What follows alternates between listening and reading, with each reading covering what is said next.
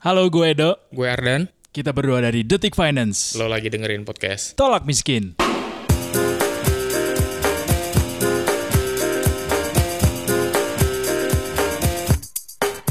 New normal. Satu bukan satu kata sih. Eh, istilah baru juga bukan istilah baru sih.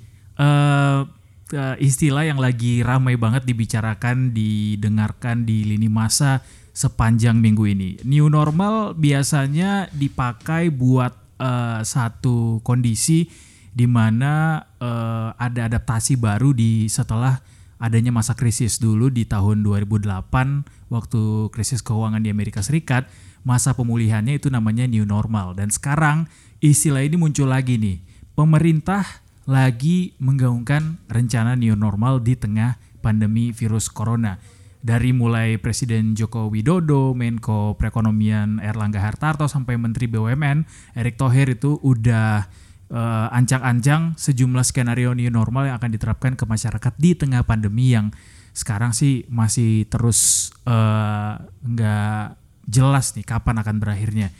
Nah, Presiden Jokowi bilang kita nggak bisa lebih lama lagi berdiam diri sekarang ini dan bikin ekonomi kita mandek kalau kita gini-gini terus nih sekarang di dalam masa PSBB kayak sekarang. Nah makanya sekarang intinya Presiden Jokowi pingin ekonomi itu bergerak lagi tapi tetap aman dari serangan virus corona. Makanya disusunlah satu skenario baru yang namanya new normal. Tapi sebenarnya apakah new normal itu dan untuk siapa sih sebenarnya new normal ini? Nah sekarang kita akan obrolin nih sedalam-dalamnya bersama dengan rekan gua di podcast Tolak Miskin kali ini. Bukan Ardan sih, kali ini adalah Dana Aditya Sari. Halo dan Aditya Sari. Suara gua menongol lagi di podcast kali ini. eh kemarin juga gua ngomong di podcast yang sebelumnya. Senior ya? senior, gua senior nih ya kan. Eh kali ini tadi yang udah dibilang Edo kita ngomongin soal eh, apa namanya tadi new normal rame banget digaungin Jokowi ngomong bahkan pengusaha ngomong sampai di medsos juga ngomong ya kan. Tapi sebenarnya apa sih new normal itu? Jangan-jangan banyak yang belum tahu juga sih gitu. Kalau nyari di KBBI juga nggak bakal nemu tuh apa sih new normal gitu. Udah pasti nggak ada. Nih sebenarnya istilah ini tuh dipakai buat ngegambarin kondisi yang menuntut standar hidup baru di tengah pandemi. Sederhananya new normal itu eh, sederet perubahan pola hidup eh, buat masyarakat agar bisa beraktivitas di tengah pandemi gitu. Intinya sih seperti itu. Jadi dia nggak harus eh, menunggu pandemi sampai selesai, Betul. biar ekonominya atau biar hidupnya bisa terus berjalan, dia harus punya satu adaptasi yang baru gitu ya. Betul. Jadi sederhananya itu ini masa peralihan di masa PSBB ke PSBB yang lebih longgar. Jadi ya PSBB ala-ala kali ya kalau kita bilang kali ya. Soalnya PSBB orang Hah? Jadi dari PSBB yang sekarang kita lagi jalani nih, ketika PSBB-nya dilonggarkan, kita temuilah itu yang namanya new normal. normal. normal gitu. Jadi orang beraktivitas tapi dengan tetap memperhatikan protokol kesehatan intinya gitu. Sederhananya. Tapi eh, menurut lo kita udah cukup pantas nggak sih menjalani new normal saat ini atau ya bolehlah kita sekarang siap-siap ancang-ancang siap siapkan new normal eh, untuk men- apa namanya mendobrak bukan mendobrak sih ya biar biar ekonomi kita nggak nggak kayak gini terus nggak stagnasi. Eh, menurut lo udah tepat nggak sih waktunya kita menjalani new normal di saat PSBB yang sekarang kita lagi jalan ini belum bisa juga sih dilonggarin sebenarnya. Hmm. Sebenarnya kalau dibilang pantas atau nggak pantas sih, eh gue juga nggak bisa nilai se- secara gimana ya. Tapi kalau secara pribadi kayaknya belum belum belum cocok deh kita untuk nerapin itu yang namanya new normal apalah itu gitu. Karena ngelihat kurva kurvanya kan masih tinggi dan segala macam. Tapi kalau menurut eh, Menteri Koordinator Bidang Perekonomian Pak Airlangga Hartarto, sebenarnya sih kita udah ada beberapa kota yang udah bisa mulai nerapin eh, new- apa protokol new normal ini. Karena memang kurvanya sudah turun. Hmm, ada beberapa sih syaratnya kata dia eh, untuk bisa new normal. Pertama eh, angka reproduksi dasar wabah At- itu eh, RO-nya itu syaratnya itu di bawah satu gitu. Maksudnya Penularannya penularannya artinya eh, Penyebarannya penyebarannya sudah- itu harus semini mungkin indikatornya si RO itu Oke. gitu.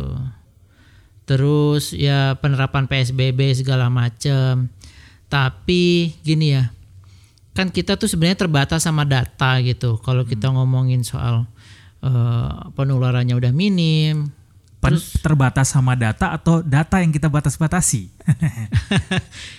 kayaknya gue lebih sepakat sama yang kedua itu sih. Datanya kayak dibatas kayak diumpetin gitu. Hmm. Gini, jadi kita mau bikin kebijakan tapi acuannya juga nggak nggak clear gitu.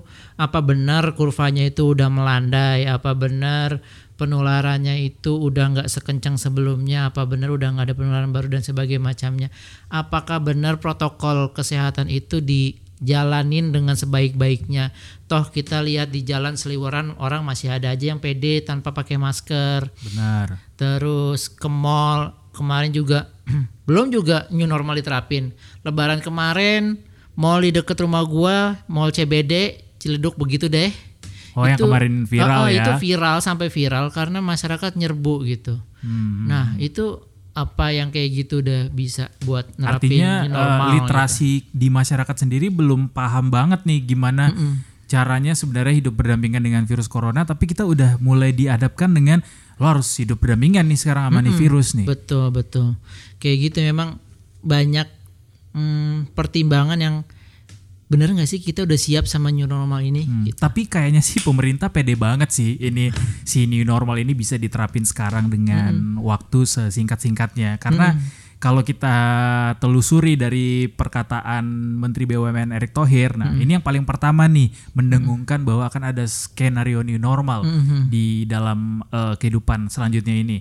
Itu di lingkungan BUMN itu pegawai 45 tahun ke bawah bisa masuk kerja protokol kesehatan seperti penggunaan masker, jaga jarak sosial sampai pengecekan suhu tubuh dan juga pola hidup bersih itu nanti diterapkan di ke dalam kehidupan new normal ini. Jadi nanti kerja itu akan dalam kondisi kayak gitu protokol kesehatannya. Oke. em, memang kalau kita ngomongin praktiknya kayak yakin tuh protokol itu bakal diturutin gitu. Karena ya itu tadi jangan kita jangan ngomong jauh-jauh deh yang di depan mata aja ternyata nggak juga kan gitu. Nah sebenarnya juga sebenarnya yang yang bakal apa namanya menghadapi tantangan terbesar itu orang-orang yang yang ada di lapangan gitu orang-orang akar rumput ya. betul yang ada di akar rumput gitu jangan gua khawatir nih kalau misalnya eh, new normal ini diterapin nantinya cuma elit-elit doang yang mereka punya bisnis bisnisnya jalan sementara eh, pekerja yang notabene pion yang mereka ada di Ujung ujung, tombak. tombak. betul ujung tombak dari bisnis itu justru jadi risiko mereka tertular makin gede juga gitu Benar-benar. Eh, makanya kesadaran di masyarakat penting banget supaya mereka tuh bisa tetap survive di dalam kehidupan eh, yang baru ini, new normal ini. Makanya setuju banget sih juga dengan driver ojol nih salah satu eh, apa namanya eh, apa ya eh, subjek yang sangat sering kita bersentuhan dalam kehidupan kita sehari-hari sekarang, terutama masyarakat perkotaan. Mereka bikin protokol kesehatan mereka sendiri di new normal ini.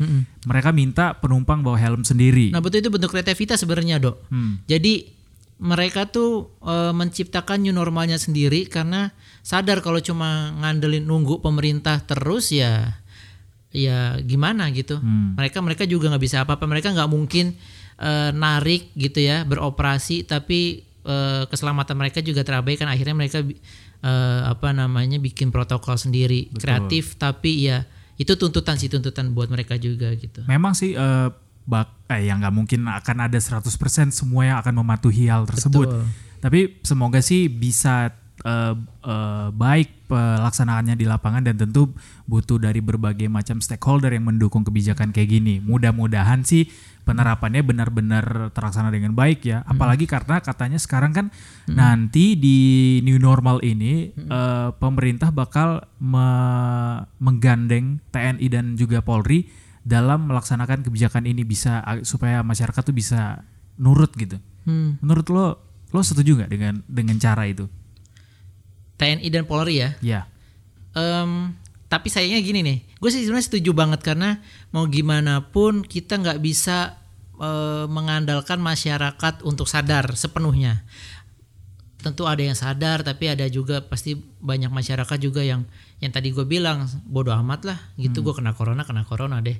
Buktinya mereka nggak pakai masker dan segala macam ya tapi eh, sorry eh, dengan adanya TNI Polri semoga sih mereka lebih patuh. Tapi masalahnya tadi gue juga eh, baca em, polisi itu nggak boleh bawa senjata dan nggak boleh me- melakukan kekerasan untuk untuk menertibkan eh, apa namanya masyarakat yang nggak patuh sama protokol kesehatan. Jadi gimana ya? Gimana gimana me- menuntut masyarakat buat patuh sementara nggak ada instrumen untuk membuat patuh itu gitu.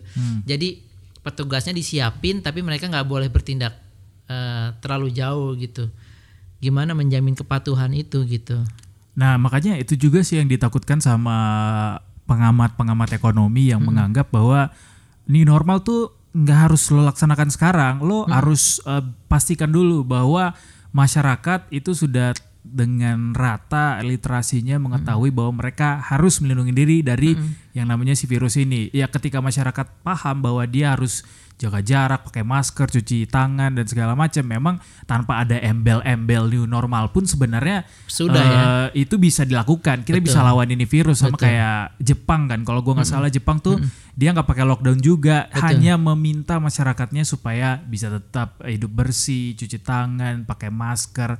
Dan mereka juga eh, apa tipikal masyarakat yang jarang bersentuhan kan. Makanya salamnya juga namaste gitu. Makanya ya ya beruntung sih Jepang memiliki budaya seperti itu dan Indonesia sayangnya susah buat seperti itu. Makanya ketika eh, ekonomi menjadi motivasi kita memulai hidup yang baru ini, ya memang karena hidup butuh uang dan eh, ekonomi harus terus jalan kan supaya uangnya tetap terus ada dan kita Betul, bisa tetap betul, terus betul. hidup juga. Tapi jangan kesampingkan juga kesehatan dan keselamatan diri kita. Karena kalau nggak ada kalau kata Pak eh, Catip Basri atau Pak Faisal Basri ya waktu itu bilang kalau nggak ada manusianya, oh kata Pak JK kalau nggak ada manusianya gimana ekonomi mau tumbuh juga. Nah kalau kita sekarang dalam proses ya bilanglah herd immunity dalam tanda kutip ya nanti ke depan gimana ekonomi kita? Mau bisa apakah bisa tumbuh sebesar yang digadang-gadang di 2045 menjadi terbesar kelima di dunia Tapi kalau misalnya toh gini ya, kalau misalnya memang kita eh, pingin ekonomi jalan lagi, tapi pemerintah kurang serius nih sama sama penanganan corona yang sekarang ini, gue khawatir gini, eh, malah ada lonjakan lonjakan apa namanya kasus- penularan baru, Hmm. lonjakan penularan Gelombang baru, kedua. gelombang kedua. Gua nggak bisa bilang gelombang kedua karena gelombang, Gelombang pertama, pertama pun- juga belum gelombang belum pertama turun belum ada belum nyampe puncak karena Ya, ya, ya. kalau kalau kalau puncak kalau misalnya sudah sampai sampai puncak harusnya kan kurvanya turun. Iya iya iya. Ini kurvanya aja masih belum turun gitu. Masih masih eh, relatif naik. Nah, kalau misalnya makin banyak lagi yang apa namanya? makin banyak lagi yang tertular gitu. Terus khawatir nih, ada bahayanya pasti ada bahaya karena kalau orang yang tertular itu udah semakin banyak dan fasilitas-fasilitas kesehatan kita itu udah nggak nampung lagi, itu akan bahaya banget gitu. Karena kan Hancur kit- sudah. Betul, kita kan udah ngeliat tuh beberapa rumah sakit udah mulai nolak-nolakin ya. Hmm. Mereka bukan bukan nggak mau, tapi emang daya tampungnya udah nggak ada gitu. Hmm. Nah, kalau itu terjadi, dampak terburuknya adalah eh pertanyaan itu menjawab pertanyaan lo dok yang Hmm. di awal tadi. Jadi new normal ini buat siapa? Buat buat orang kaya kah, buat orang miskin kah, atau buat semuanya?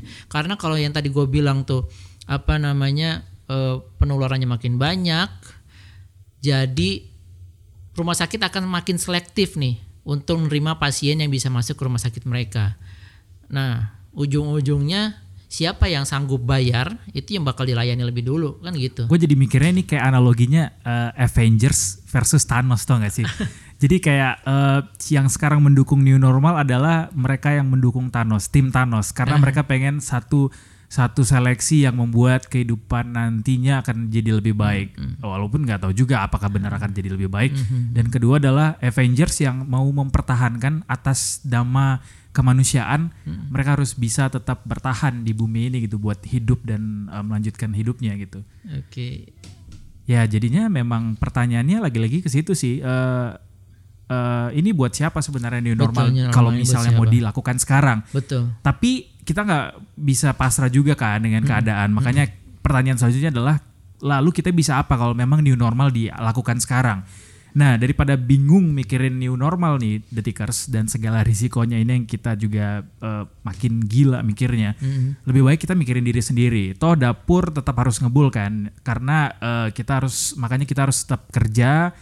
Tapi jangan juga lupa bahwa kita harus jaga kondisi biar jangan sampai tertular si virus corona ini yang kata WHO mungkin tidak akan pernah habis di dunia ini. Nah, makanya kita harus apa nih? Nah, pertama kita itu harus jago, harus paham mengatur keuangan kita ternyata di selama masa new normal ini nanti. Perencana keuangan Aidil Akbar eh, Majid menyarankan agar masyarakat mengencangkan ikat pinggang saat menjalani new normal. Jadi itu kayak eh, woro-woro yang selalu kita sampaikan di Betul. podcast Tolak Miskin sejak awal podcast ini betul. berdiri Betul. lo nabung, lo hemat karena eh, ska- kalau dulu kita eh, bayangannya adalah krisis finansial karena ada perang dagang Amerika Cina dan sekarang ditambah sama wabah pandemi, Pandemi virus corona. Virus corona betul. Dan satu-satunya jalan yang harus lo lakukan adalah bijak mengelola keuangan, nabung, jangan boros, kurangi yang hal-hal yang impulsif. Bener banget tuh. Jangan, jang- kurangilah kilaf-kilaf ngelihat Hmm. barang lucu sedikit terus. Bentar, bentar, bentar. Gue ngambil kaca dulu. Oke. Oke. Ya, ya memang memang ini harus berkaca. Gue juga, gue sendiri juga mungkin kaca perlu gue bawa ke mana-mana karena Hmm. gue kalau la- apalagi gini ya, ini penyakitnya masyarakat kebanyakan PSBB mereka harus WFH, WFH kerjanya udah beres, terus eh, nggak ada temen ngobrol, Belum beres juga udah lakuin yang lain. Oke, sambil sambil nungguin eh, tugas dari kantor, terus buka-buka lah itu yang namanya. E-commerce. e-commerce lah, belanja online lah, ketemu barang lucu akhirnya Bener. klik lah gitu ya kan? Itu juga yang dikasih tahu sama perencana keuangan Mas Bahrain kemarin bahwa eh, perilaku itu dialami sama mayoritas orang ternyata, bukan lo doang. Mhm. Gue pun seperti itu. Makanya nabung dan kurangi hal-hal yang impulsif itu penting banget selama masa pandemi ini. Betul, betul, betul banget. Terus em, ini bukan cuma ideal doang sih yang ngasih saran untuk untuk ngatur keuangan. Eh, perencana keuangan dari advisor Ali- Alliance Group Indonesia, Pak Andi Nugroho juga punya tips nih atur keuangan. Tabung dulu alokasi anggaran yang tadinya buat rekreasi. Nah, Oke. kan kebetulan kebetulan juga kalian nggak bisa rekreasi karena uangnya tuh jangan mentang-mentang wah gua ada uang lebih nih tadinya mau rekreasi nggak jadi akhirnya gue belanja online nah, itu jangan tuh jangan mendingan uangnya kalian tabung aja atau kalau misalnya mem- memang ada kebutuhan mendesak dihitung deh prioritasnya semendesak apa sih gitu kalau baju kan udah pasti tuh tantaran aja lah Gak ada yang lihat juga lo punya baju baru apa nggak ada yang, enggak. nggak ada yang lihat. Lo pingin beli eh, motor ya ntar dulu lah, beli mobil ntar dulu lah.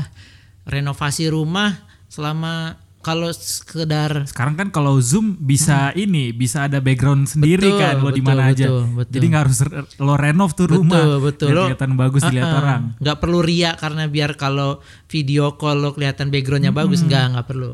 Tenang, ada teknologi yang Betul. namanya background screen, green Ah, screen ya. Green screen, green screen itu bisa lo atur-atur lah backgroundnya. Ataupun sebenarnya orang juga ngapain sih lo wah-wahan toh juga memang kantong kalian tuh lagi ketat banget jadi nggak usah pingin tampil wah padahal kalian juga lagi repot gitu. Jangan coba-coba membohongi diri sendiri ya detikers ya. Cukup, cukup, cukup, cukup. Tapi makanya eh, nabung, kurang yang impulsif, hemat Hmm. itu penting banget. Dan kalau misalnya kalian selalu punya alokasi uang jajan buat akhir pekan, Betul. ingat itu harus kalian eh, apa ya shifting ya shifting lah istilahnya. Alihkan, alihkan. alihkan, eh, buat jadi misalnya nih jadi dana darurat. Ini penting banget dana darurat harus selalu ada karena kita nggak tahu eh, bagaimana nanti nasibnya ke depan. Kedua eh, alihkan buat beli bahan pokok karena ini adalah kepentingan pertama primary eh, untuk kalian bisa bertahan hidup. Ketiga investasi yang mau kalian lakukan atau yang sedang lakukan sekarang ditunda dulu, direm dulu. Katanya karena sekarang bukan saatnya untuk berinvestasi, bos. Sekarang adalah eh, lo wait and see dulu istilahnya Betul, investor betul, ya. betul. Dan itu tadi kurangi belanja-belanja yang impulsif, kurangi belanja-belanja yang nggak penting karena yang paling utama dilakukan saat ini adalah penuhi kebutuhan dapur selama pandemi virus corona masih berlangsung. Oke, nah ini juga nih yang penting nih. Ngatur duit oke, tapi kan dalam kondisi kayak gini tentu kita juga perlu yang namanya gimana sih nambahin pemasukan nih. Kan kita sadar betul banyak teman-teman kita yang sudah dirumahkan tanpa gaji. Oke, mereka nggak di, di PHK tapi mereka nggak dapat pemasukan. Eh, atau yang pemasukannya mulai terpotong 50%, berap- 20%, 50% dan seterusnya. Ada yang sampai THR-nya pun eh, cairnya dicicil dan sebagainya. Nah, yang paling penting juga adalah gimana kita bisa kreatif menghasilkan uang tambahan nih buat ya nggak buat bermewah-mewahan tapi paling enggak kebutuhan kita tuh tercukupi gitu. Eh, ada beberapa tips yang bisa kita pakai yang bisa kalian terapin lah di rumah. Kalian tuh bisa jual apa aja, jual apa aja, jual masker, jual apa segala macam. Tapi kalian coba mulai eh, apa namanya melek teknologi yang tadinya dagangnya cuma ngandelin orang lewat, eh, ngandelin toko dan segala macam. Coba udah mulai lirik-lirik tuh yang namanya eh, apa namanya toko online gitu. Terus eh apa namanya yang yang kalian yang kalian selama ini alergi gitu ih temen gue make medsosnya buat jualan udah nggak ada waktunya bukan waktunya lagi kalian buat gengsi-gengsian pakai medsos kalian manfaatin medsos kalian buat promosi produk kalian di situ kalian bisa bertahan hidup intinya gitu sih Siap senior. Tapi emang itu bener banget. Eh, di timeline gue sekarang isinya tuh kayak toko online jatuhnya. Instagram gue misalnya itu gue udah kayak ngelihat Tokopedia, Shopee, Bukalapak karena semuanya jualan bos. Oke. Jadi ini Instagram media sosial atau apaan nih eh, toko online nih sekarang? Karena memang orang jualan semua dan ya akhirnya gue paham bahwa ya itu adalah bentuk kreativitas mereka. Syukur-syukur itu juga salah satu bentuk mereka buat bertahan hidup dan mudah-mudahan sih bisa terus berkembang ya selama masa Oke. pandemi ini. Karena ya memang ini adalah normal yang baru jadi ya itulah dia normal yang baru Betul. Nah, ngomong-ngomongnya norma yang baru nih, Dok, sebelum eh kita mengakhiri obrolan kita di podcast Tolak Miskin kali ini, gue pingin pingin lo ada ada ada saja nggak? Kira-kira lo perlu nambah skill apa sih yang dibutuhin biar new normal itu kan menun- menuntut pola hidup baru nih. Kira-kira apa sih yang yang kita butuhin? Skill apa sih yang perlu kita perkuat lagi nih? Banyak. Pilihannya banyak. Karena sekarang udah ada kartu prakerja. Oke. ya udah banyak kan di situ. Ada banyak banget soft skill yang bisa lo latih dengan ya walaupun nasib lo ditentukan sama mesin sih Betul, betul. lewat situ. Cuma nggak cu nggak harus kartu prakerja yang gratis gratisan juga banyak di YouTube banyak. tapi kalau gue sih pengennya eh apa ya? Eh, pokoknya soft skill lah. Apa lo mau menam misalnya lo dulu eh, nggak jago bahasa Inggris sekarang lo sambil latihan di Penting rumah banget ini bahasa Inggris atau bahasa asing lainnya nggak melulu bahasa Korea karena lo seneng drama Korea Betul. Terus apalagi ya, misalnya kalian memasak karena lo suka masak Betul. atau mungkin lo jago nyanyi terus lo asah kemampuan vokal lo ikut ini kompetisi eh, idola Indonesia apa bukan kompetisi idol eh, yang sekarang kan juga banyak dilakukan secara online kan. Betul, Jadi betul. ada there's so many ways, you know. Oke.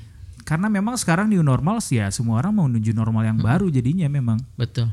New normal memang lo harus harus asah deh soft skill yang tadinya. Lo nggak bisa lagi ngandelin skill-skill lama yang eh gue cuma bisa jadi admin doang, eh gue cuma bisa eh, apa doang gitu. Ya lo nggak bisa cuma mengandalkan skill lama, lo harus asah terus skill-skill yang baru.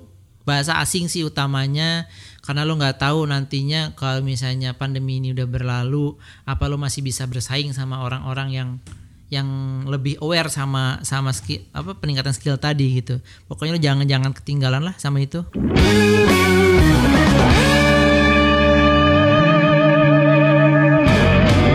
Jangan lupa dengerin podcast-podcast Detik Finance berikutnya di podcast Tolak Miskin. Detikcom.